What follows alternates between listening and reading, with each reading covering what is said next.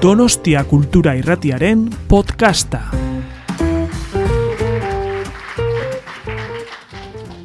Tristes. Estamos tristes, Saturno, porque en nombre de los galenos nos has negado el vino. El vino que acostumbramos, la pausa en el suplicio, el único respiro, el vino del olvido. El vino de los amantes que lo beben frente a frente, el vino de los soldados que los torna valientes, el ángelus campesino y el santo vino obrero, el vino del pueblo austero. El vino de los marcados por el vino de la vida, el vino de los sin techo que los mece y los abriga, el vino de los altares y el vino del rito profano, el vino del buen samaritano. El vino del infeliz que lo franquea ante su amada, el vino del estudiante que lo vomita de madrugada. El vino que invoca la musa y el que trae la mala idea, el vino bronco de la pelea. El vino del exiliado por el que cobra su terruño. El vino del joven poeta que lo dispensa del ayuno. El vino del palacio y el corriente de la casa. El ansia de vino que nos abrasa. el vino de los entierros tras el caer de la losa, el vino amargo del duelo, de la ausencia en cada cosa, el vino reminiscente y el vino del olvido, el vino que nos duerme compasivo, el vino de los amigos que lo brindan por su encuentro, el vino del solitario que lo rumia en sus adentros, el vino de los grandes fastos y el vinazo de la plebe, el vino y que la tierra no sea leve. El vino del gran mundo y los salones exclusivos, el vino de las meriendas campestres bajo los pinos, el vino de las fondas del camino y las posadas. Adiós a todo eso, camaradas. Adiós a todo eso, camaradas. Tristes, estamos tristes, Saturno, porque en nombre de los galenos nos has negado el vino, el vino que acostumbramos, la pausa en el suplicio, el único respiro, el vino del olvido.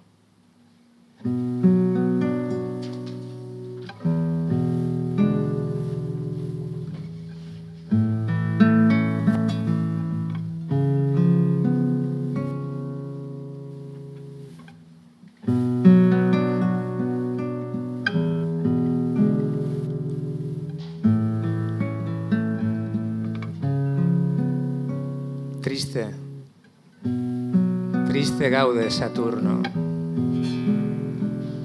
Medikuen aitzakian usadiozko ardoa kendu diguzulako. Gure etena oinazean, berpizle arnazean, ahaztura landatzean.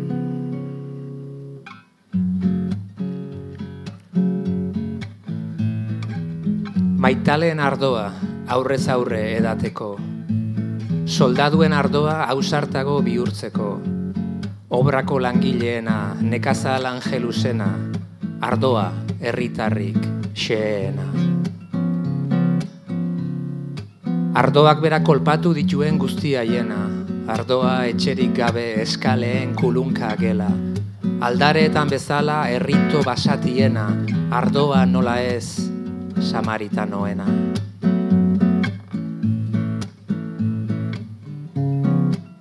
Maitaleari lehenbizi eskaintzen dionarena. Ikasleen gauerdiko konbito larriarena, musari deituta deskalabrua dakarrena, garratz, ardo garratz istiluarena. Lurri gabeko deserriratuarena, baraua eragozten dion poetarena, jauregietakoa edo etxe arruntena, barrutik kiskaltzen gaituena. Iletetan lagundu zilarria erortzean, doluaren ardoa galdu dena oroitzean, batzuetan gogorazle, ahaztura ez dizko, ardolo arazle ardo errukizko. Aspaldiko lagunen topa dena enkontruan, bakartiak hausnartzen duena urdail barruan, oturuntzetakoa eta berdin ardo ospina, ez taliko gaituen lur, harina. Festa pribatu eta mundu zabalekoa, mendiko pikniketan pinu luzeen pekoa, bideko ostatuetan ematen duten ardoa. Agur denari agur, ni banoa. Agur denari agur, ni banoa. Triste. Triste gaude Saturno, medikuen aitzakian, usadiozko ardoa, kendu diguzulako gure etena oinazean berpizle arnasean ahaztura landatzean Arratxaldeon Ongi etorri mila esker gaur ona hurbiltzeagatik. E, ikusi duzue Saturno kantuaren irakurketarekin hasi gara eta gero irakurri dugu euskerazko itzulpena. Bere garaian mursegorekin errezitatua izateko itzuli nuen eta ez da beti gertatzen, baina kasu honetan oso nabarmena zen em, euskeraz bezala gaztelaniaz berdin berdin ongi funtzionatzen duela, ez? Badago ez derrigorrez beti euskaraz edo gaztelaniaz idatzitako poema batek gaizki funtzionatzeak beste hizkuntza batean esan nahi du poema ez dela ona. Baina normalean hizkuntza bietan ongi funtzionatzen badu ba, esan nahi du baini ezberdina diren bi hizkuntzetan eta baita errimatzen saiatuta ere eta baita erritmoa eta e, silabako purua mantentzen saiatuta ere eta horre dakarren ertxakortasunarekin, ez? Hainbeste behartzea hizkuntza eta hala ere sentitzea jatorrizkoak dioen guztia gutxi gora bera hor dagoela, pues generalmente ez da izaten e, itzultzailearen meritua izan daiteke, baina gehiago da hor jatorrian badagoela egiazko zerbait, ba, froga guzti horiek gainditzen dituena. Ez da nire hau da, poema bat ba, oso gustora irakurtzen dudana, berdin euskeraz edo gaztelaniaz. Bueno, Rafa Berri horek diburuz eh, eta bere tailerrean sartzeko, ba, bea beste Rafa bat baino, eta gaur gurekin placer bat izango da e, disekzioarik eta kariñoso honetan, ze disekzioarik eta bat dugu bere kantuena, baina oso maitasunetik egina beti ere, ba, Rafa Ruedo, Rueda izango dugu lagun. Beraz, e, arratxaldean.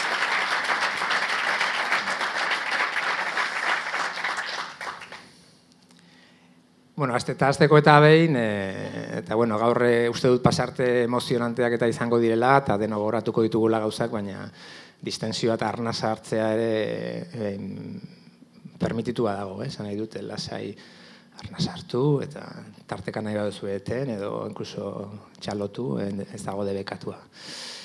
E, lagun artean gaudenez.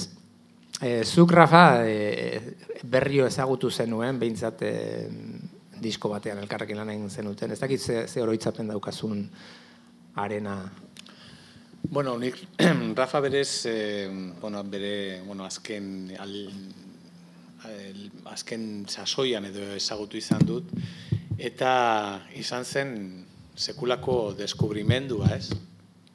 Ez nahi, ez nintzen, bere jarraitzailea, eta zenperenaren bitartez, e, ba, bueno, elkarrekin, lanean hasi ginean, eta eta txundituta gelditu nintzen eh, lehen, lehen momentutik. Ez bakarrik bera autore moduan, e, baizik eta persona moduan transmititzen zuenarekin ja zerbait bueno, berezia somatzen zitzaion, bere izateko moduagatik, Eta gero inoiz komentatu izan du, dut e, ba, lagunekin eta ba, adibidez e, bueno, eriotzaren berri eta jaso nuenean bueno, lehen daukasun e, sentsazioa, bueno, tristezia, etxipena, tal.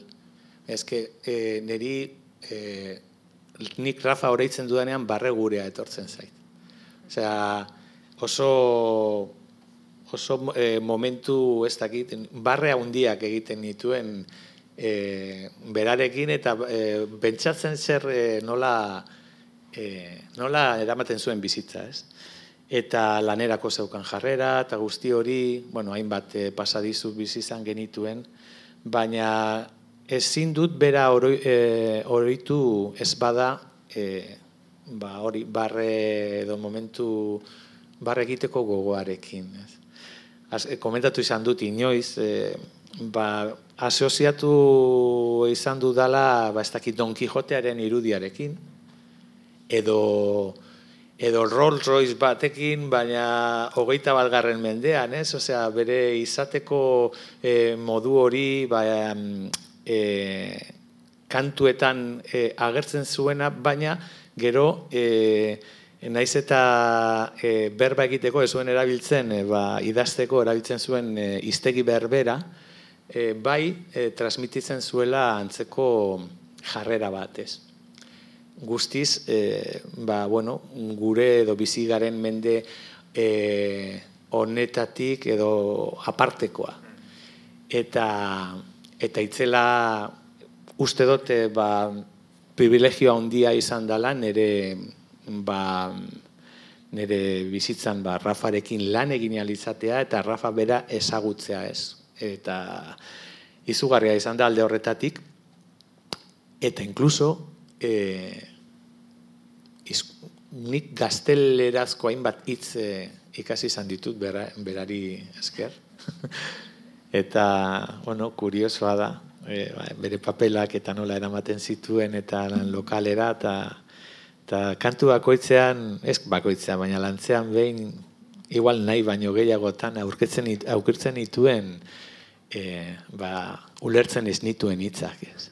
Digo, Rafa, ¿qué quiere decir yerto? Eta, digo, no, pues esto da... Oh, pero, batzuetan lotxagati, digo, a ver si va a ser yerto una palabra ahí muy común, y da, digo, pues no, no lo había oído. Eta, hola. Be, gero hitz eingo dugu horri buruz bere lexiko inkonfundible horri buruz eta bar.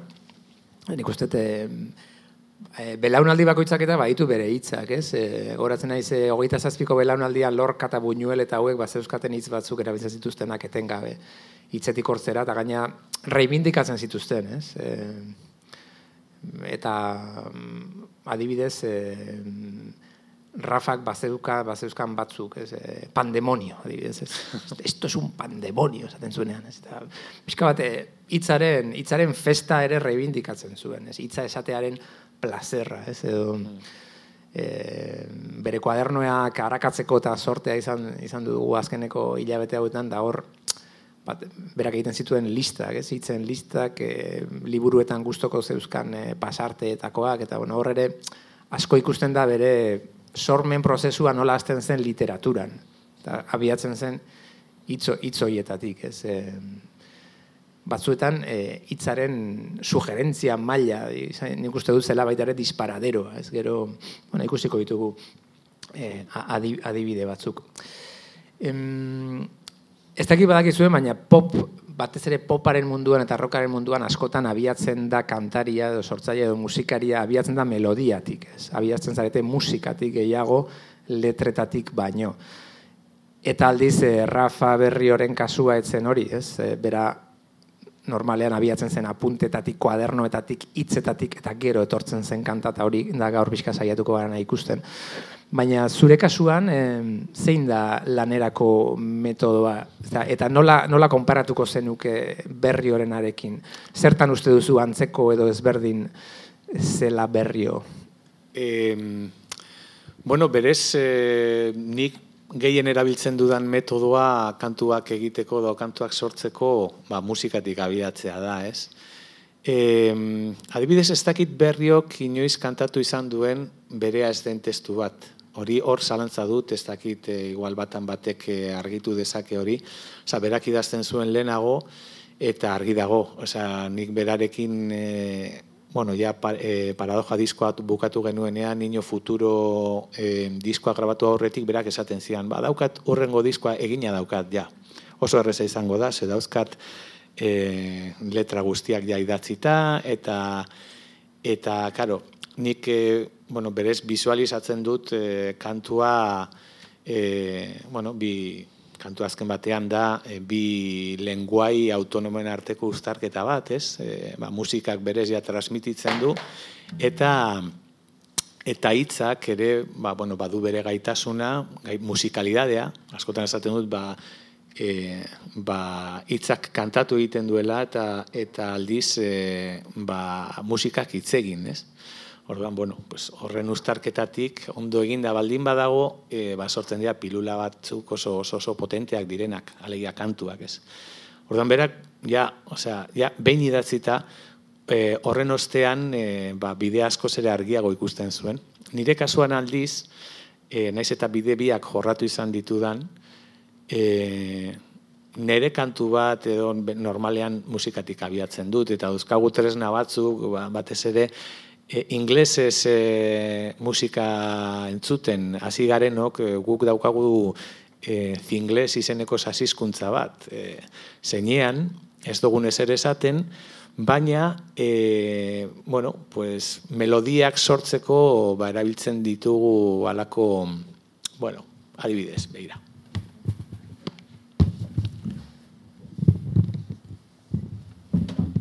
Normalean hasten gara improvisatzen, ba, musika batekin,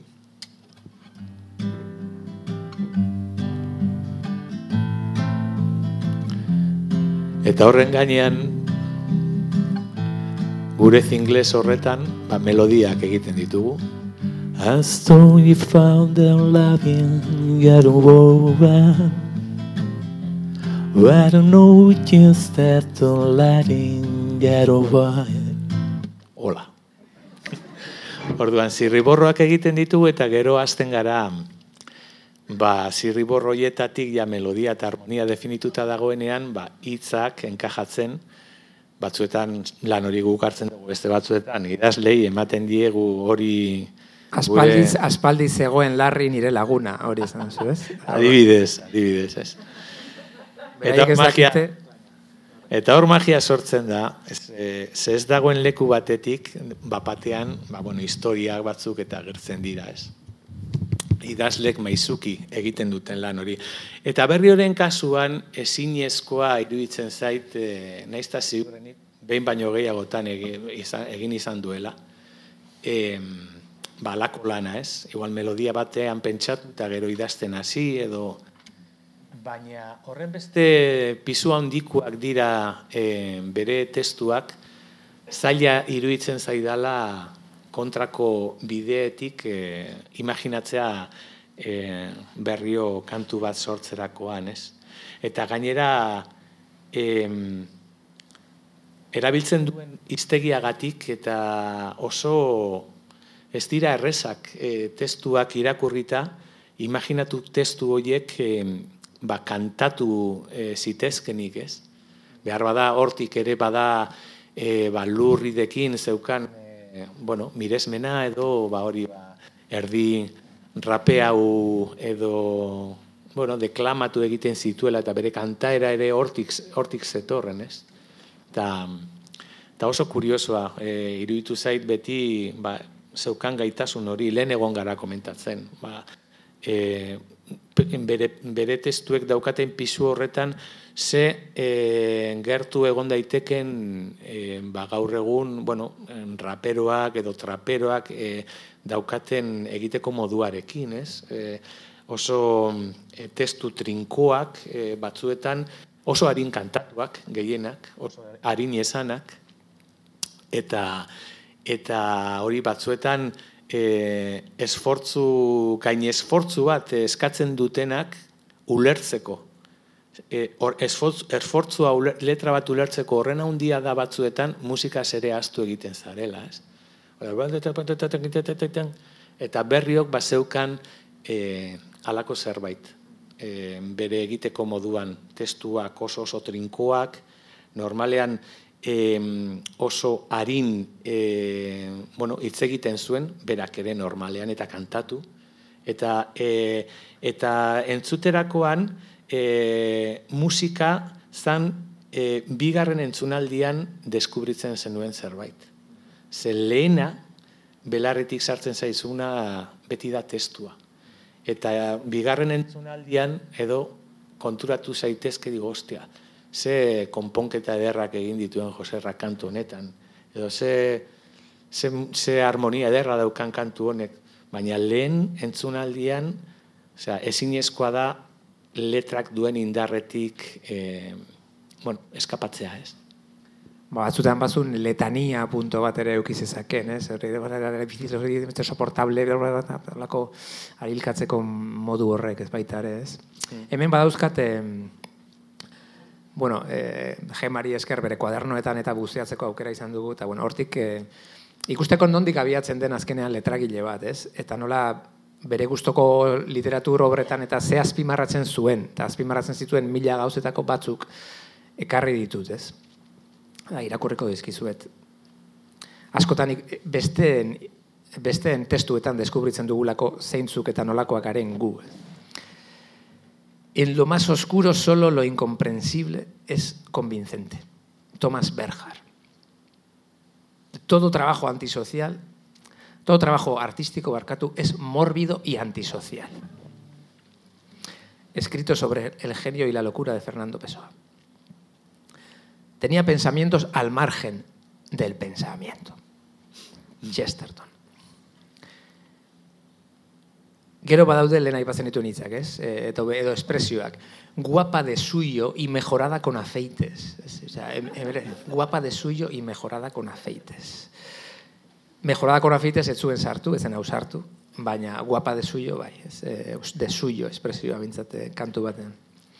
Mi cabeza era un pandemonio. O sea, nik esaldi hau entzuten duen aina, bere hau entzuten dut. Ez? Ernesto Sabatoren liburu batetik. Gero lehen esaten genuen baita ere, berak asko e, irakurtzen zuenetako bat Benito Pérez Galdós zen.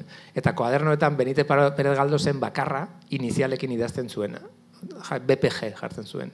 BPG, BPG, BPG. Eta koaderno osoak zeuzkan BPG-ren zitaz beteak. BPG, BPG, Benito Pérez Galdós eta ari zordio besteak beste algo delicado y difícil samoldea kantu batean sartu zuena eta hori da la desheredada liburuan dago irureun da berrogeita beratzi garno realdean iratu. El triste deje del triunfo es el desencanto. El triste deje del triunfo es el desencanto. Un amuno a esta diferencia estoica llegué parte por razonamiento parte por desprecio. Pio Baroja. Victor Hugo ere irakurtzen zuen. Hernani, eh, Hernaniko pasarte badau. La felicidad es grave y busca corazones de bronce para grabarse en ellos lentamente. El placer la asusta, echándole flores, y su sonrisa está más cerca de llorar que de reír. Pasó la nube y se llevó lo bueno mi álbum de nubes del cielo. BPG da hau ere, Benito Pérez Galdós. Batzuetan baita ere komentarioak egiten zituen, ez? E, orduan jartzen zuen e, Gao Xingianen e, La montaña del alba, li, del, alba e, del alma barkatu liburuan, liburuari buruz bakarrik idazten du. Pasmo ante el capítulo 46. Orduan, e, korrika joan behar duzu, eh? berrogeita zei kapitulua, el kapitulu, nik ez dut irakurri, baina, baina gogoa ikaragarria daukat. Ze gauza eh, arbitrario azpimarratzen ditugu, ez? Eh, hospitalidad polinesia. ez ez, uste hau da, ez? Hospitalidad polinesia. Está, está todo dicho. Hospitalidad polinesia. Eta gero beste bat asko gustatzen zaiona baroja, zen jakina, ez? Eh, reunía todas las cualidades y defectos de, del vascongado de la costa. Era audaz, era irónico, era perezoso, burlón, la ligereza y el olvido constituían la base de su temperamento. Muskat bere, bere, bere deskribapen bada. Ezkenean, ez? E, marrazkilariek beraien burua dibujatzen dute, kantariek beraien burua abesten dute, idazleok geure buruari buruz idazten dute, eta dugu, eta azpimarratzen duguna ere, azkenean gugarena da. No, etxean dituzuen liburu azpimarratu kontuz, ez, ez utzi edo zeinen esku, ez. Ez dira prestatu behar, azpimarratutako, ez dira mailegatu behar. Reunía todas las cualidades y defectos del vascongado de la costa. Era audaz, irónico, perezoso, burlón. La ligereza y el olvido constituían la base de su temperamento. Bueno. Eta gero, filosofia irakurtzen zuen, adez, Kierkegarren eh, hainbat zita daude, eh, diario de un seductor, nik uste hori behin baina gehiagotan irakurri zuela, que, bakarrik tituluagatik baldin bada. eh, diario de un seductor, Kierkegaard. Eta gauna hemen jartzen zuen, el afán por singularizarse. Nahikoa, ez? Bueno, eta hori bezala, ba, bere iturri literarioak oso agerikoak zirela esplikatzeko alegia, ez nola... Ze, zure kasuan adibidez, e, zuk ere oso iturri literarioak izan dituzu, baina gehiago hartze dituzu lehen esaten zenuen bezala testuak osorik, ez? Ba, gustoko poeta baten poema edo enkargu zeindakoa edo bar, baina e, esan ezagun berak hartzen zuela literatura fragmentoetan, zatietan, gero garatu egiten zuela, zuk aldiz hartzen dituzu bloke, lanerako bloke handiagoak hartzen dituzu, ez? Bai, normalean, e, bueno, poema batekin edo testu batekin hartzen duzunean, e, testu hori aukeratzen baldin badozu, e, bada, testuak indarra duelako, ez? Eta batzuetan e, badaude ba, kantua bihurtzerakoan em, zeineri e, eman prioritatea dela melodia, dela hitzak errespetatzea, eta besteek idatzitako testuekin zabiltzanean ba, e, errespetuagatik gehien bat eta eta berez e, bere horretan daukan indarragatik ba, ba, sekulako burua usteak e, izatea nahiago dut em, batestua bere horretan errespetatzeko batestua nik asmatutako melodia bati moldatzeko baino, ez? Hainbat e, bueno, adibide daude, bueno, kantu bat idazterakoan edo testu bat hartzerakoan, zelan errepikatzen dira hitzak batzuetan betetzeko ba, melodiak eskatzen dizun e, ba, zerbait, edo zelan desagertzen dira hitzak bapatzea, bapatean edo testuak moztu egiten diren, ni saiatzen naiz e, ba, testuak bere horretan e, mantentzen, eta gehienetan e, izan ditut e, bueno, alako buruazte bat baino gehiago lan oso gustokoa dudan testu bat eta sinestuta bat testu horrek berez musikalidadea barruan duela. Eta gero e, bakantuan e, e, hasi edo kantu bat egiten hasi ezin asmatu e, borroka hori ja puntu, bueno, pues ez zain atsegin batera heltzearena, gertatu izan zaite hainbatetan. Nire, ez gaitasunagatik behar bada, ez? Baina gehienetan saiatzen naiz hori, eh, ba errespetatzen, ez dakit eh, mikro honek pila ondo daukan. Saiatzen naiz errespetatzen bere horretan ba testuaren indarra eh, ba, bueno, mantentzeko eta eta Rafaren kasuan argi dago, ez? Nondik eh, jotzen zuen eh, ba, musika sortzerakoan e, ez dut imaginatzen e, Rafaren bersio bat egin, e, testu bat egin, testu berarekin beste kantu bat, ez bada testua uneko unean errespetatzen, ez? Baina guk musikariok edo musikari garrantzi edo pentsatzen dugunok e, musikan lehenago bat testuetan baino, e, batzuetan astakeriak egiten ditugu e, testuekin gure mesederako, ez? Eri gero eta gehiago gustatzen zait. Esaten zuen lehenbiziko lehenbiziko bertso lerroa edo lehenbiziko kantuaren lehenbiziko lerroa zela bendizio bat edo edo mirari bat edo opari bat eta aldiz gero zetorren guztia kondena bat zela, ez?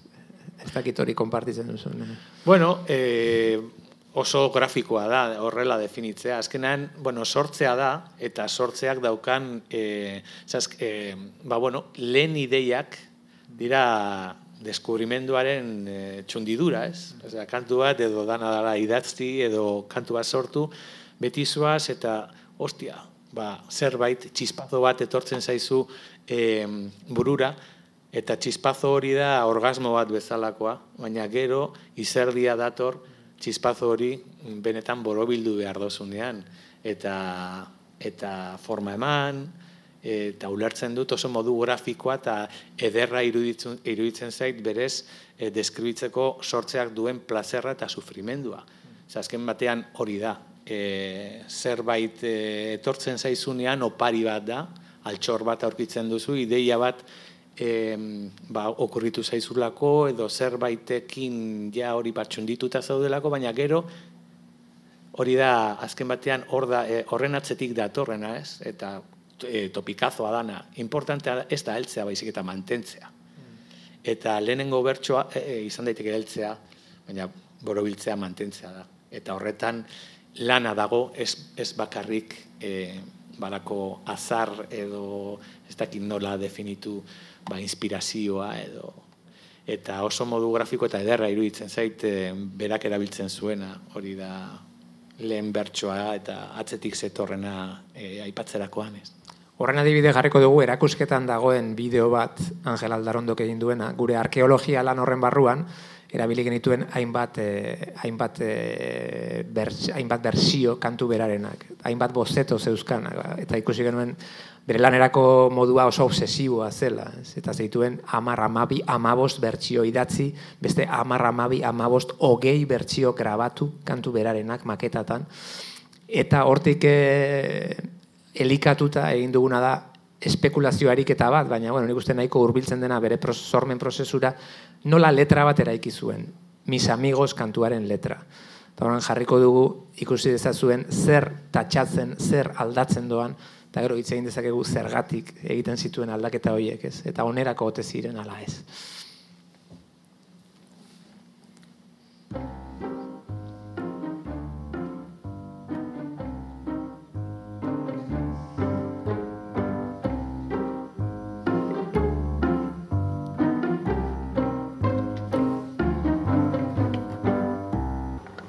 Pues hoy estamos a 8 de noviembre. Se me ha ocurrido una, a ver, colocar mis amigos en, la famosa rueda de acordes. Tiene que ir en una estrofa que vaya toda seguida y rápida.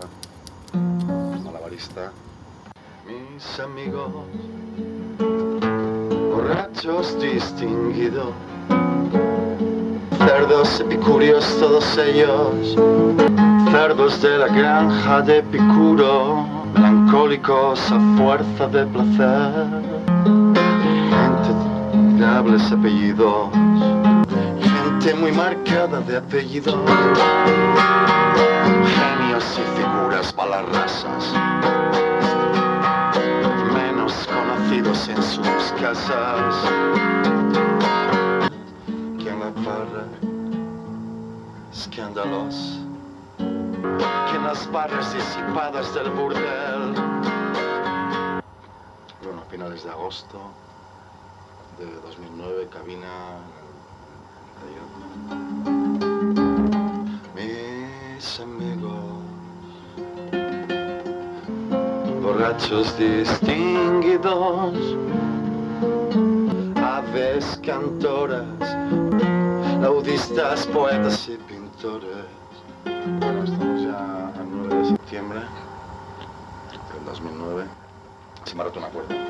Bueno, la misma versión que debería ser con la obra inacabada por hacer. Ociosos que pasean aún dormidos, el spleen de un mediodía triste. Son la bohemia que ya no existe, el fantasma que se vuelve, mis amigos borrachos distinguidos, dandies que aborrecen este siglo, furibundos caminos de salón, viejos zorros todos muy leídos, que echan el anzuelo a sus conquistas, cantándolas a versos modernistas, y duermen con baroja en el colchón. Mis amigos,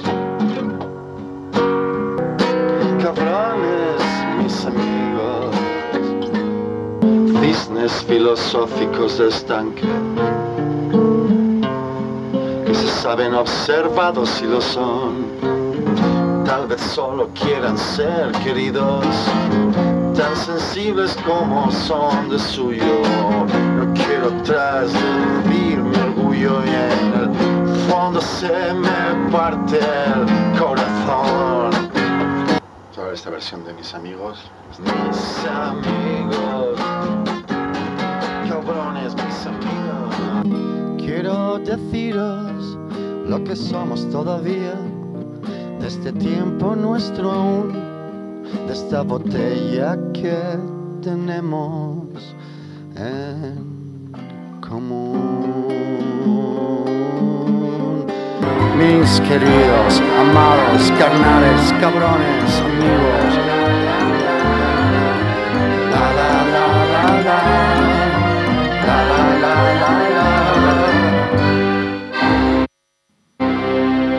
O bueno, también E, oso zaila da, erakusketa batean eta ni beti mm, obsesionatu izan hauen gauza bada, oso zaila da, pero pelikula batean. Erakustea nola egiten den liburua, nola egiten den kantua, nola sortzen den Esua, ez? Beti eh, gauza misterioso bezala, pelikuletan beti agertzen da, ba, idazle baten kasuan, e, idazle bat makinaren aurrean, horri atxuri, topiko hori, gero, ez zaio ondo ateratzen, beraz, e, horri alde bat hartzen du eta eh, egiten du zimurtu eta bota, ez? Baina, baina hori oso infantila da, ez? Hortaz aratago nola, buru barruan gertatzen diren gauzak nola azaldu, ez? Eta horregatik uste dut, Angel Aldarondoko osondo, osondo adierazi duela lau minututan, nola berri, berridazketa den idazketa. Ez? Idatzi jende guztiak idazten du. Baina poeta batek berridatzi egiten du. Eta hori da Rafael Berriok egiten zuena, ez? Eta gero ja da jolastea, espekulatzea zergatik egiten zuen e, egiten zuena, ez? E, orain, poliki berriro berriro begiratzen badugu ze tatxatzen joan zen eta zergatik. Bueno, niretzako literatur tailer bat emateko modukoa da, osea, tentatuta egon nintzen ordu bete osoa honi buruz hitz egiteko. Ze benetan uste dut hartutako erabaki bakoitza batezik onerako dela, esango dizuet zein den niretzako. Eh, bueno, pixka provokatzea batik. Eh? Vale, ongi etorri literatura klasera. Ko, batetik dago berak hautatzen duen, hautatzen dituen hitzen norakoa, ez? Hau da, emeretzigarren mendean modan ez bazegoen, baztertu egiten du. Ez? Osea, oso zaila da irudikatzea behintzat Rafael Berrio azkeneko hamar urtetako diskoetan, oso zaila da irudikatzea hitz estridente, garaikide, asmatu berri, neologismo, mm, ez daizkigu bururatzen. E, eta Greziak homologatutako hitzak badira, eta epikureoa bada, pues asko zobeto, ez? Zer egiten du hemen? Cerdos de la piara de, piara de Epicuro. Horazianos. Hasieratik nahi du Horaziano hitza sartu, kaiga quien kaiga. Hori ikusten da, ze ikusiko duzu, gero berriro jartzen duela eta tatxatzen duta. Ze bere lagunak oso Horazianoak dira, beraz, Horaziano izatea zordi eta erabili nahi du.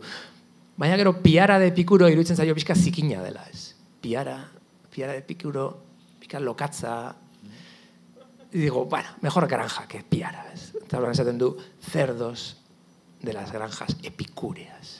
De epicuro baino jasoagoa da are epicúrea. Eta adjetibo bezala oso erabilia, ez? Melancólicos a fuerza de placer. Gente muy marcada de apellidos. eh? De, notables apellidos jartzen du lehenbizita, gero muy marcada de apellidos. Mucho menos conocidos en sus casas, menos conocidos en sus casas. Beste gauza bat eh, ikusten dena da adjetiboak zimurrak direla, adjetiboak zahartu egiten dira. Adjetibo horik onena askotan adjetiborik eza da. Eta ikusiko duzuen nola saiatzen den adjetibo egoerara ongi egokitutako adjetibo bat jartzen, baina azkenean tatxatzen du, tatxatzen du, tatxatzen du, eta uzten du adjetiborik gabe ez. Hemen dago gauza bat garaikidea, deigarria, bere be, kuaderno batean zegoena, menos conocidos en sus casas que en la puerta del lavabo del complot. Oso polita, baina aldi berean oso partikularra eta oso donostiarra eta oso gauzu konplot igual ez duzu ezagutu. Komungiaraino ez da iristen konplotzen. Ezagutu dut, baina oso zabala nintzelako, eh? Vale. Orduan, claro, berak pentsatzen du, en la puerta del complot, bai, ba, belaunaldi batek eta jende batek identifikatuko du eta irribarre egingo du eta partikularidade horrekin eh, egingo du olako keinu ironiko bat, baina merezi du universala izan nahi dudan alek. Ez, kasik konplot kenduko dut. Konplotek ez du iraungo, ez? Eta nire kantuek bai, eta orduan kentzen du konplot, ez? Eta hemen dago eh, momentu oso polita, eh, pelikulan, dala, ken la barra escandalosa del burdel, ken la barra disipada del burdel. ¿Cómo es la barra del burdel? Disipada, escandalosa, licenciosa del burdel. Nahi du adjetibo bat topatu, ez du topatzen. Eta azkenean kendu egiten ditu adjetibo guztiak, ez? Oza, adjetiboak gehienetan zimurrak dira esaldian. Adjetiboak zahartzen dira sustantiboak eta aditza baino lehenago. Adjetiboak eh, escandalosa del burdel. Bueno, si es un burdel es escandaloso. Disipada, mm, ez dakit, laguntzen dio, nire ustez ez. Eta orduan azkenean zer egiten du? En el fondo de la barra del burdel. Ez? Izan daiteke nabaitare Carmelo Iribarrenen en el, desde el fondo de la barra poemario izenburuaren eh, oi hartzuna daukan zerbait, ez? Eta ematen dio kantuari, ze ematen dio trigonometria, profundidad, en el fondo de la barra. Ez? Hori da, Prustek esaten zuen, hiru objeto jartzen badituzu parrafo batean, ja, e, estena edatu egiten da. Hiru dimentsio hartzen ditu. Orduan, personajea mugitu daiteke gora, bera, eskerrera eta eskuinera, hiru puntu hoiei esker. Eta en, en el fondo de la barra del burdel horrek hori lortzen du, ez da. Hemen dago beste gauza bat oso interesgarria da, bere lagunei buruz ari delarik, nahi ditu bi gauza, nahi du gordintasun puntu bat, horregatik karajo hitza sartzen du, baina gero damutzen du goizegi delako. Karajo hitza erabiltzeko goizegi da oraindik. Eta beste gauza bat, sentimentalidadea. Rafael Berriok sentimentalidadea oso ondo dosifikatzen du. Orduan, hemen konturutzen da, mis amigos, queridos, amados, amigos, sentimentalegia iruditzen zaio. Hau dira nire nire espekulazioa noski, baina e, uste dut baietz. Grillos que cantan, poetas y pintores, pianistas, oracianos, ikusten oracianos hartu nahi du, costa a la costa, farsantes, músicos, guitarristas. Claro, ze gertatzen da? Sintesia. Grillos que cantan, poetas y pintores, pianistas, oraciones, farsantes, guitarristas. Bueno, esaten du, bueno. Zerrenda luzegia da farsa de poetas y pintores. Zeintzu dira poetak eta pintorenak ofizio artistikorik zaharrenak. Gitarristak beranduago etorri ziren. Beraz, berak egiten du, englobatzen du, sintetizatzen du, farsa de poetas y pintores, askoz ele eleganteagoa dena ez. Nahikoa da. Ociosos que pasean aún dormidos el spleen de un mediodía triste, son la bohemia con existe. Spleen, Claro, alguna hauetan oso modan dago, Bodelerren berreungarren, bigarren mendeurrena betetzen dela eta esplinitza. Nori zor diogu esplinitza? Pues Bodelerre popularizatzen du, ez? Melankoliaren, bilisaren, eh, egoera, egoera hori. El esplin de un mediodía triste. Nork erabiltzen du esplin kantu batean. Eh? Nor, nor dauka, nork dauka hausardia hori. Hemen karajo sartzen du gordina izan nahi duelako, baina gero erabakitzen du oraindik goizegi dela. Eta bueltatzen da estribillo indartsura. Ez duen asko erabiltzen Rafael Berriok eh, estribillo, baina hemen mis amigos borrachos distinguidos. Hori imbatiblea da. Eta gero ikusiko dugun bezala amaika silaba dira, endeka silaboa da. Beraz, endeka silaboa dela blindatuta dago eta irauten du, ez? Furibundos anarkista de salón. Hemen dago ez da oso polita, nola anarkistas jacobinos bihurtzen duen askoz ere afrantzesatuago eta gilotinadoreagoa dena, anarkismo incendiarioaren ondoan, ez? Gordintasun ezartu nahi du, karajo, amigos, baina ez da izan du, eutxe egiten dio bere ulari, orain ez, orain ez. Hemen da, nik oso ondo ulertzen ez dudanaz, kantat, kantatzen du iloson. Cisnes filosóficos de estanque que se saben observados y lo son. Eta gero aldatzen du estan. Hau da, momentu bakaran eri, zalantza sortzen dira. Ez dakit eh, zergatik aldatu zuen. Tan sensibles como son de suyo, de suyo, ¿es? y mejorada con afeites. Eta gero bukaeran dago bere buruari eh, baimentzen dion bere lagunekiko azken omenaldia eta hor bai sentimentalidadea baimentzen dio bere buruari. Eta da, bere burua sartzen duenean kantuan. Esaten duenean, quiero deciros lo que somos todavía. Osea, momentu horretan nun bere burua sartzen duen ja lagunen arte horretan, orduan bai, besarkada bai mentzen dio bere buruari. Nosotros hasta fecha, a fecha de este día, de esta noche, de estas calles, de este tiempo nuestro aún, de esta botella que tenemos en común. Eta hor, hor ja bai, izan daiteke gordina, izan daiteke sentimentala pixka bat nahi badu, mis queridos, amados, carnales, cabrones, amigos. Eta eskoz pertinenteagoa da hori dena orain, lehenago baino, eta indartsuagoa ez. Hau da, literatura klasika.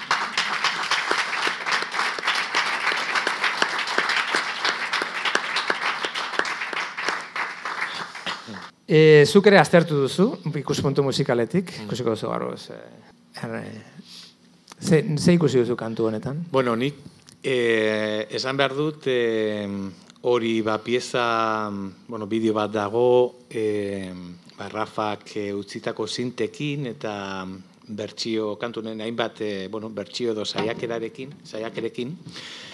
Eta, e, bueno, edo zeinentzat, kuriosio, sekulako kuriosidadea piztu dezaken eh, zerbait baldin bada, neri, edo niretzat, musikari moduan, e, kriston aukera e, izan, da, izan, e, da, izan da lehen aldia, e, ba, beste sortzaile baten e, zukaldeko lana ezagutzen, ezagutzeko aukera izan dudana, ez? Nola bait.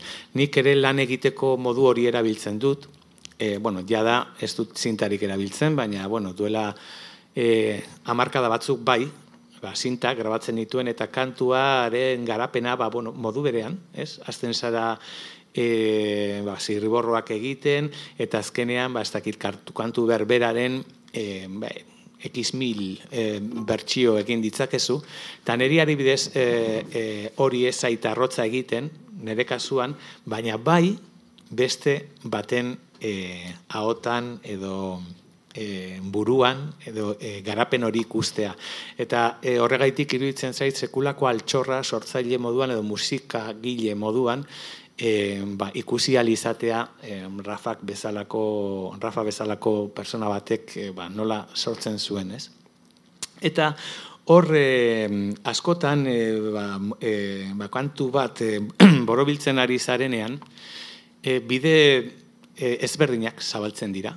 E, azten zara tiraka ari batetik, gero behar bada ari horrek ez du gehiagorako ematen eta beste batetik hasten zara, eta azkenean da, e, bueno, arean edo lurran zuluak egitea bezala, e, azkenean, ba, e, zera, e, altxorra edo, edo premio aurkitzen duzun artez, eta e, pieza horretan, e, los amigosen, mis amigosen pieza hontan, e, horre ba, e, e, oso garbi ikusten da nola egiten duen e, horrenkera azkenean guk ezagutzen dugun e, bertsiora, ez? Ze, karo, guretzat, nola e, kantunen lehen bertsioa edo lehen e, entzunaldia izan da berez diskoan agertzen dan kantua, Osa, guretzat, musikalki, e, ezinbestean, e, hobetzen doa. Azten zara, e, psikologikoki engainatuta gaude, Ze beti pentsatzen dugu eh, azken bertsioa onena dela. Eta gerturatzen ari da neinean, hobetu egiten duela iruditzen zaigu. Osea, guk entzun nahi duguna da, benetan diskoan agertzen zen bersio hori. Baina, engainu bat da, ze hor bidean, hainbat e, kantu izan zitezken e, ariak, solte gelditzen dira, e, behar bada, azken emaitza bezaino onak izan zitezkenak ez.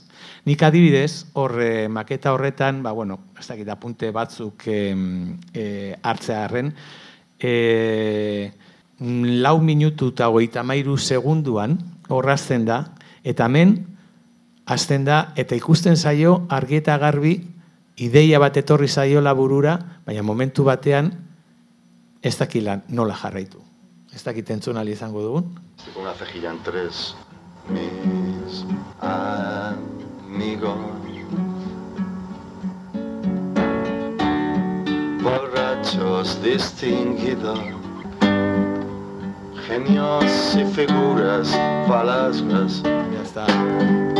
menos conocidos en sus casas que en la parra. Ez daki ze nota jo, urrengoan. Hemen akordea bilatzen ari da. Hor rataskatu egiten da pixka bat.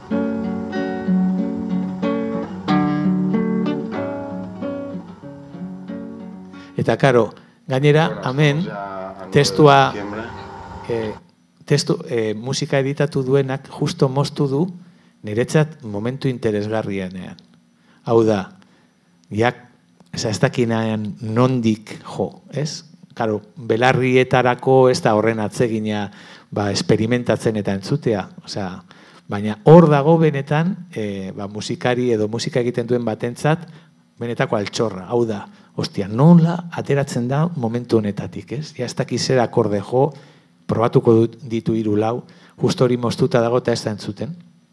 Eta gero beste gauza bat ere e, komentatu daitekena ba, e, o, pieza horren inguruan, e, topikoa da, e, ba, musikarien artean, e, bai, askotan aipatzen da, ba, e, kantu berbera egiten saiatzen garela, musika egiten hasi eta bukatzen dugun arte, ez? Urteetan zehar, jende askori entzun izan dio, ni kantu berdina egiten e, saiatzen naiz. Bueno, musikariari baino entzuleari.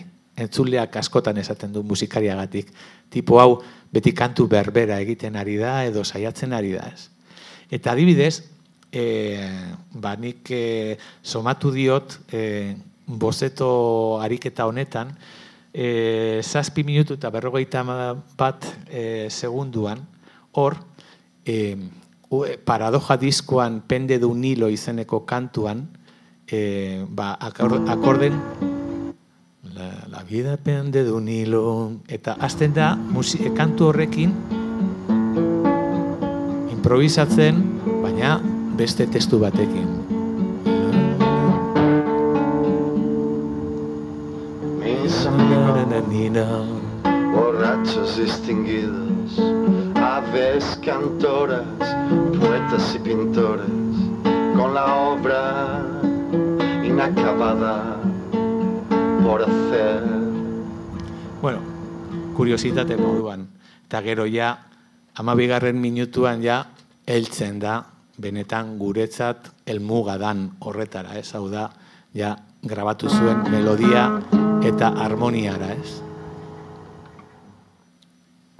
Bueno, pues hoy estamos a 8 de noviembre, noviembre, un tiempo de perros horrible para llevar desde hace días y días. Eh, se me ha ocurrido una, a ver, colocar mis amigos en la famosa rueda de acordes Famosa rueda de acordes. en común. Mis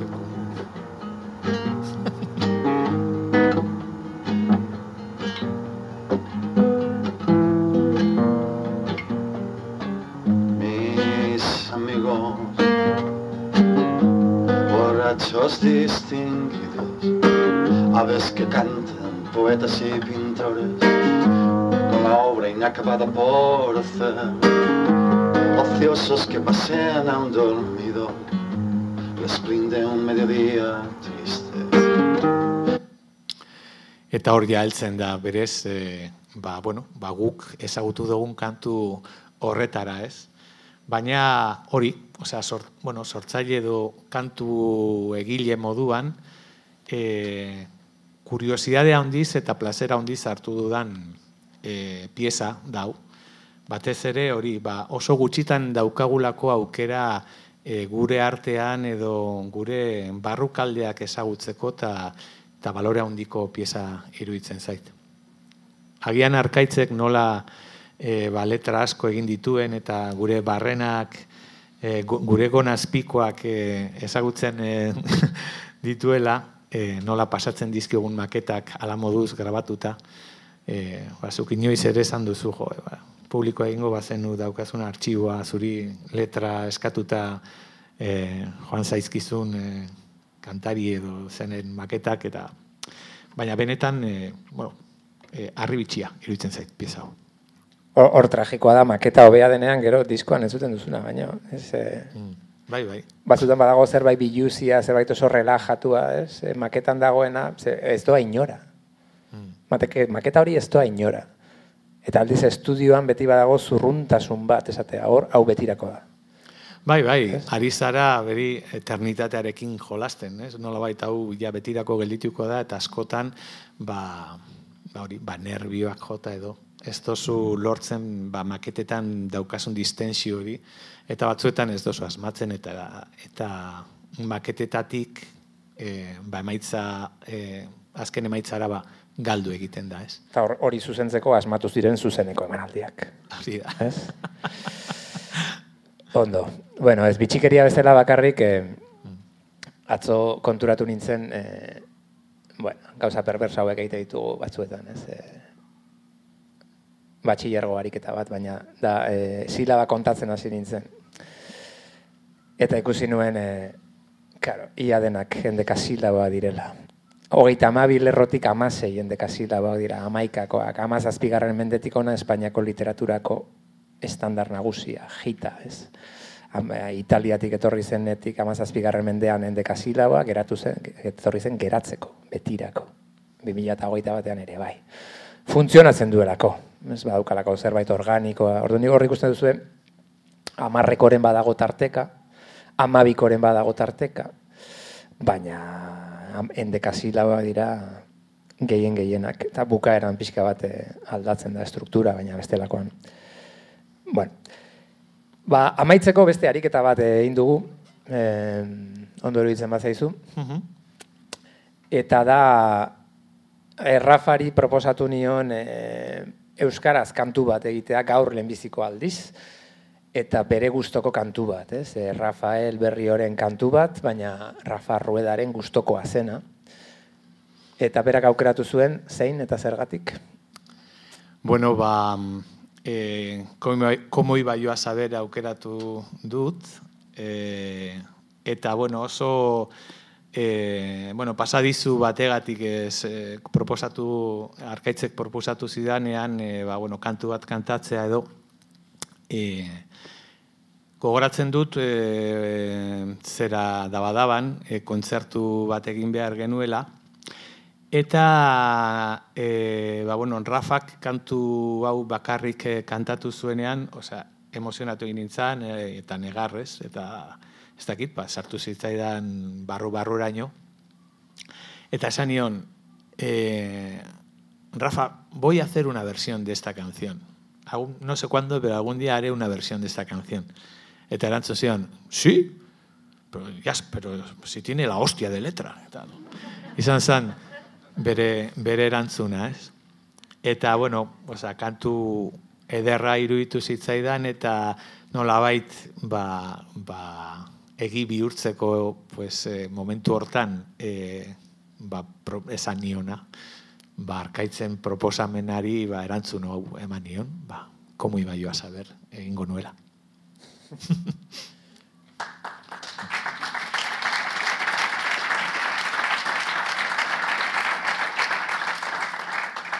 On, kantua entzun aurretik egingo dugu eguneko azkeneko disekzioa eta izango dana da e, Rafak irakurriko du gaztelaniaz jatorrizkoa. Eta ni joango naiz e, egin dudan itzulpena ematen, ahapaldi ahapaldi eta pixka bate komentatuko dugu ze zailtasun egon diren e, horretan, ez? Eta gero entzun, gero entzungo dugu kantua. Yo que no he encontrado nunca la razón de levantarme de la cama. Ni naiz oean beste inon baino gusturago egon dena. Ez, hor, e, nire duda da, e, kantua bidaltzen dizkidanean, parentesi artean jartzen ditut beti hitz batzuk horrek esan nahi du kendu daitezkela. Ze badakit kantariei gustaren zaila kentzea. Orduan nik ja, ba ez pare, ematen diet, nun kendu dezaketen, ez? Organo vitalak ez ditzaten zauritu. Orduan, kasu honetan, ni naiz oean beste inon baino gustorago egon dena, nire duda zen ni naiz kendu daiteke. Ez? Ni naiz oean beste inon baino gustorago egon dena. Oean beste inor baino gustorago egon dena ere izan daiteke. Ez? Baina ni naiz gusta ez leteri omenaldia, justu mm. zan garaia, lete, letekadaren garaia, orduan zan duen, bueno, saietuko naiz gure tradizioa ekartzen baita, ni naiz, ez? Ilusioa egiten zian, gero ikusiko dugu ia kantatzen duen edo, edo ez. Yo que no he entendido nunca la manía que nos hace amanecer. Egun sentien urrenkera konprenitzen ez dudana. Claro, en fin, eh, la manía que nos hace amanecer a nosotros, ya. Eh, bai, baina euskaraz, eh, gu egun sentitu, sentitu, sentikaria, eh, orduan, eh, pixkate, sofistikazioa galtzen du alabearrez, alegia, ez? Eh, en fin, originala beti da originala. A mí, que me es lo mismo que hoy sea hoy o sea mañana. izan gaur, izan bihar, bosta xola, izan zaidana. Karo, hemen berak errepikatzen du oi bi aldiz. E, nik ez nuen aurkitzen hori egiteko modua, orduan esaten dut, errepikatuko dut izan, baina hiru aldiz. Izan gaur, izan bihar, bosta xola, izan zaidana. Bakit musikariei errepikapenak asko gustatzen zaizkizuela, horrek esan nahi du hitz gutxiago memorizatu behar dela, eta holako jozak.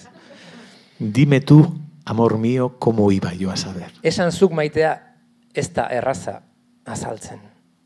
Karo, esan zuk maitea, komo iba joa saber, aurreneko itzulpena datorkena da, e, nola, zelan jakingo nuen, nola jakingo nuen. Baina pentsatzen zitzaidan, irutzen zitzaidan literalegia zela. Piskate, euskeraz aulagoa ote zen, susmoa, ez da orduan, esan zuk maitea, ez da erraza azaltzen. Eta orduan, pa, asterizko batean jartzen nuen, esan Rafari zeta ongia oskatzeko. Ze bestela, bestela da, esan zuk maitea, ez da erraza saltzen. Ez da erraza saltzen. Eta ez da erraza azaltzen. Ez? Eta gero dago beste bat, amor mio nola itzuli. Ose, amor mio ez delako gauza simple bat itzultzeko pasa ezakezu arratsalde bat. Ez, e, karo, ene maitea, nire maitea, kasu honetan maitea bakarrik geratzen da, e, silabaje kontuengatik.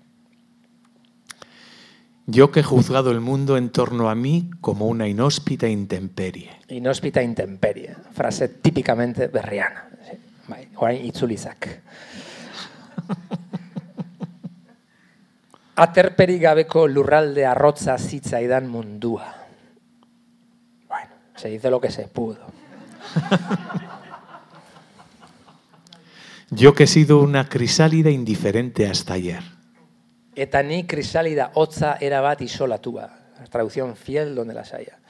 Baina hasta ayer kendu egin behar izan dut. E, eta e, trukean hotza eta isolatua.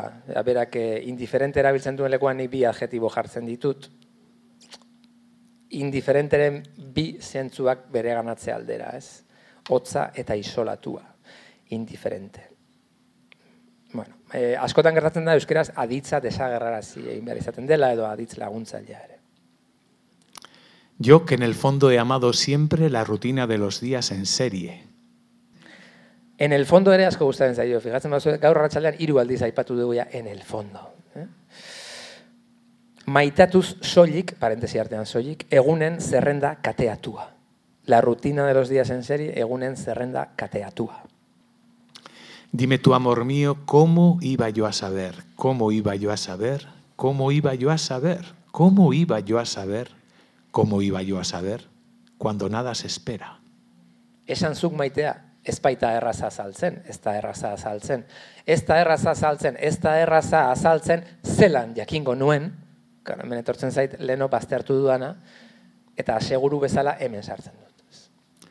¿Cómo, ¿Cómo iba yo a saber? ¿Cómo iba yo a saber? ¿Cómo iba yo a saber? ¿Cómo iba yo a saber que tendría mi turno y mi vez? Ez da erraza azaltzen, ez da erraza azaltzen, ez da erraza azaltzen zelan jakingo nuen, ene txanda, ote zen. Ez? Orduan, e, turno imibez, e, txanda bihurtzen da. E, beste truko bat, kantu hauetan oso balioa, ba, e, funtzionatzen duena da, hipotetikoa edo baldintzazkoa subjuntiboa galdera bihurtzea. Ze, gaztelaniazko subjuntibo horiek itzultze dituzunean, ez dira kabitzen. Ez dira kabitzen neurrian. Orduan, galdera bihurtzen dituzu, zuzenagoa da, kantuarekin bat dator, ene txanda zen. ¿Cómo iba yo a imaginar desde el ángulo opuesto que el amor era esto y que iba a ser alcanzado por él? angelu itxutik zelan pentsatu bestela, maitasuna hau zela, bete-betean nola joko ninduen. E, kasu honetan, angulo opuesto bihurtzen da angulo ciego. angelu itxua bihurtzen da, baina nola maitasuna ari garen, pues, pentsatzen dut e, kupidoren gezia berdin izan daitekeela itxua kontrarioa izan gabe. Hori da nire tesia itzulpen ez fidel honetan. Yo que he juzgado la existencia como un cansancio eterno. Existentzia zelakoan neke bat tamai ezina. Claro, he juzgado. Bueno, euskaraz ez zaigu juzgatzea gustatzen. Orduan, eh, zelakoan neke bat tamai ezina. Yo que en un bostezo siento puesta cada, li, cada fibra de mi ser. Cada fibra de mi ser. Tic-tac, tic-tac. Aharrausi bakoitzean jartzen nuen alegina. Vamos a simplificar. Eh? Eh, aharrausi bakoitzean jartzen nuen alegina. Simpletzera. Yo que aspiraba a dejar mi vida en blanco como la hoja blanca de un cuaderno. N, parentesi artean, bizitza, kaiera zuria, A, parentesi artean, bezain zuri ustea amets. N, bizitza, kaiera zuria, bezain zuri ustea amets. Dime tú, amor mío, cómo iba yo a saber. Yo que he estado siempre a salvo como un pájaro en su nido. Esan zuk maitea ez baita erraza saltzen, ni neu abian txoritutako bertan goxo. Claro. Beti komeni da euskaraz eh, ondo errortuta dauden espresioak tartekatzea, ez? Orduan bertan goxo hemen horretara, ez? Abia, como un pájaro en su nido, abian txoritutako bertan goxo bihurtzen da. Yo que oigo el ruido del presente como quien oye llover. Bizitzako hots ardailen entzule axola gabe. Hor, Faulkner sartzen dugu hotsa eta ardaila, eta konpensatzen dugu beste leku batzuetan galdu dugun gorentasuna eta hizkuntza jasoa. Faulkner beti puntuak ematen dituelako. Ez? A mí que solamente me interesa de cuanto veo el sinsentido. arrazoien ukatzaile, berriro pixkal letiano, arrazoi ukitza, ukat, arrazoien ukatzaile eta absurduaren maitale. Bueno, hemen hau da librena, itzuri. izan. Ja nekatuta nengoen, osea, nabaritzen da, ja, eh, nekatzen, nekatzen. Zoa zela, eta orduan, errima, nekatzen zeanean zer gertatzen da, erriman apoiatzen zarela, ez? Eta orduan, nola, axolagabe neukan lehendik, ba, orain, axolagaberen errima errexena bertsolari batentza zein da maitale. Osea. Dime tú, amor mío, entonces, ¿cómo iba yo a saber? ¿Cómo iba yo a saber? ¿Cómo iba yo a saber? ¿Cómo iba yo a saber? ¿Cómo iba yo a saber cuando nada se espera? Esan zuk maitea, ez baita erraza saltzen, ez da erraza saltzen, zelan jakingo nuen deusen zain enintzen. ¿Cómo iba yo a saber? ¿Cómo iba yo a saber? ¿Cómo iba yo a saber? ¿Cómo iba yo a saber que venía mi turno y mi vez? Ez da erraza saltzen, ez da erraza saltzen, zelan jakingo nuen ote zen. ¿Cómo iba yo a pensar, ni aun para mí, que el amor era así y que iba a ser alcanzado por él? Enintzen ausartzen nire kautan ere, oso kontentu geratu nintzen honekin, enintzen ausartzen nire kautan ere maitasunaren jomugan nintzela pentsatzen. Eta orain bukatzeko kantua.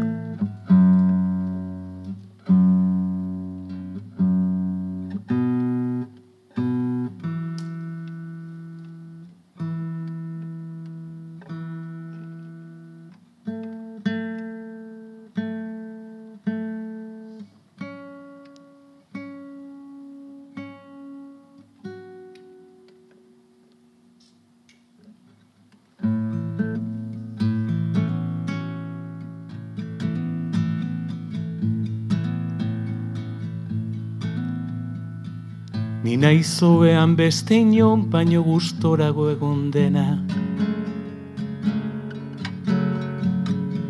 Egun sentien urrenkera konprenitzen ez dudana. Izan gaur izan bihar, bosta sola izan zaidana. Esan zuk maitea ez da erresa saltzen.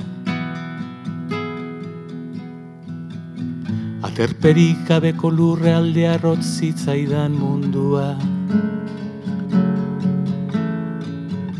Dani krisalida hotzera bat isolatua. Maitasun soilik egunen zerrenda kateatua. Esan zuk maitea ez baitarra sazaltzen Ez da erresa saltzen, ez da erresa saltzen, ez da erresa saltzen. Zelan jakingo nuen deusen zaiez nintzen.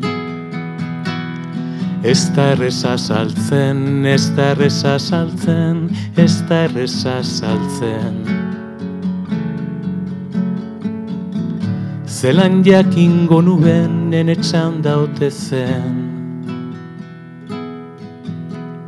Hain gelo itxutik zelan pentsatu bestela, maitasun hau zela eta bete-betean, nola joko ninduen.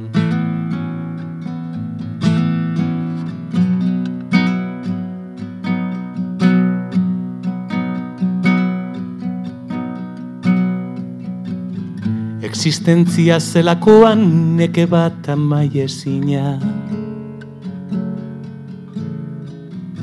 Arrausi bakoitzean jartzen nuen alegina. Bizitzak aiera zuria bezain zuri ustea amets. Esan zuk maitea ez baita errazta zaltzen Ni neu abian txoritutako bertan goxo.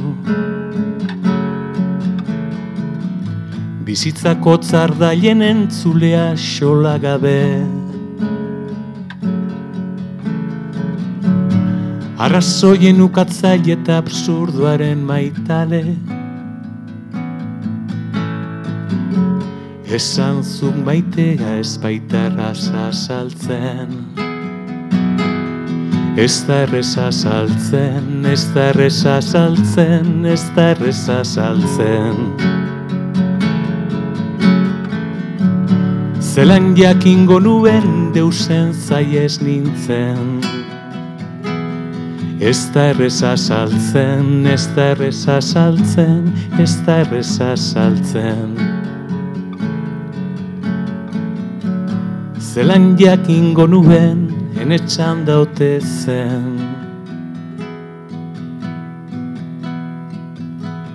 Ez nintzen ausartzen nire kautan ere, maitasunaren jomugan, nintzela pentsatzen.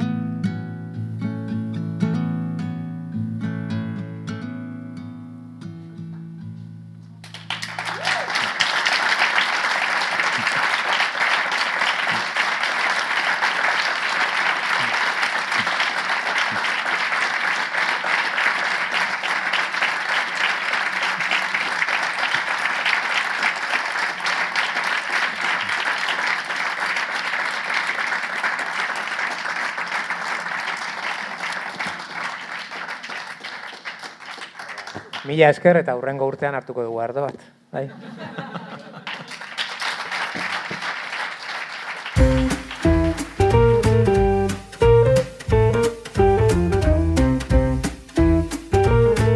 Donostia Kultura Irratiaren podcasta.